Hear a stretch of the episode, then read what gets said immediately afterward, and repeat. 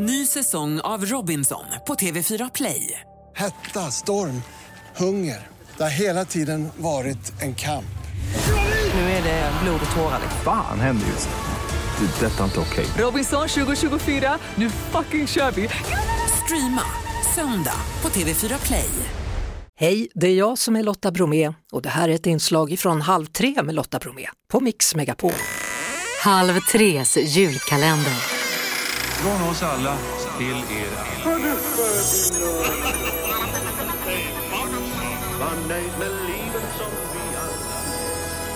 Nej men kolla där vad kul, det är ju Kalle Michel, tidigare världsmästare i gröt. Kul att du fanns i den här luckan. Ja, kul att höra av dig Lotta. Har du varit där länge?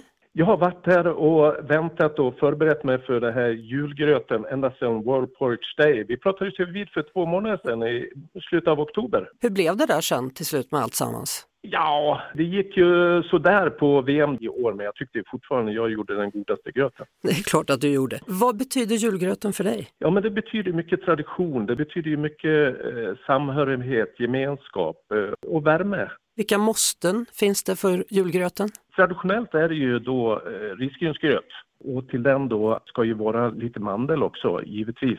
Och sen är det ju kanel och eh, socker. Men jag har ju lite tips på variation om du vill höra det. Ja, absolut. Ifall man eh, pratar den traditionella risgrynsgröten, tipset är ju att koka länge och koka på svag värme. Det är ju bara jul en gång om året så jag rekommenderar liksom gärna mjölk och kanske lite grädde i slutet av uppkoket så den blir den här krämiga konsistensen. Men sen kanske tillsätta lite goda eh, toppingar. Istället för den här mandeln som eh, man traditionellt eh, gömmer i gröten så rekommenderar jag att ni rostar själv lite hackad mandel och strör på varje tallrik. Eller man grovmaler riven mandelmassa och rostar den. Det blir jättegott ovanpå. Och då kan man ju säga att eh, istället för att en får en hel mandel så får alla lite mandlar och kanske under året värme och gemenskap och att man blir älskad under året som kommer.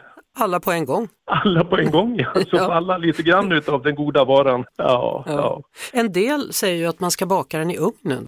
Ja, det kan man väl mycket väl göra. Jag brukar inte göra det. Jag är så traditionell och kör i kastrull då. Men ett tips som jag tycker det blir mycket godare än den eh, traditionella risgrynsgröten, det är att eh, koka på svenskt havreris. Havreris. Havreris, ja. Havreris det är ju hela havrekärnor som har ångbehandlats. Och det finns här svenskt havre som gör det här som man kan få tag på ute i handeln.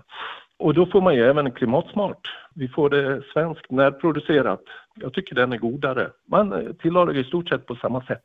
Kommer du ha julgröt på julbordet eller? Ja, det kommer det vara. En grej som jag tycker är lite spännande med, med gröt och så, traditionellt sett så är det ju att man förknippar gröt med frukost. Men eh, på julbordet så avslutar man ju oftast med julgröten. Då skulle jag rekommendera att gör det som en efterrätt. Toppa med lite goda bär, gärna svenska bär. Kanske vispa lite vaniljsås och ha på istället för eh, mjölk till gröten.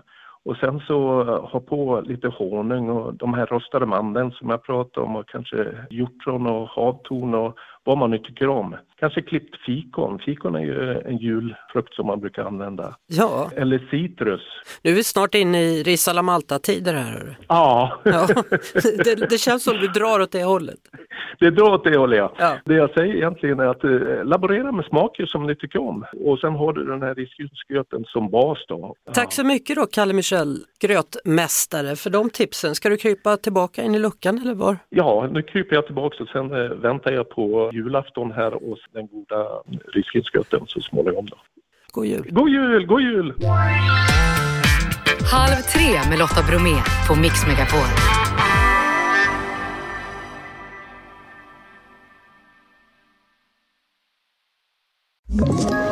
Ett poddtips från Podplay.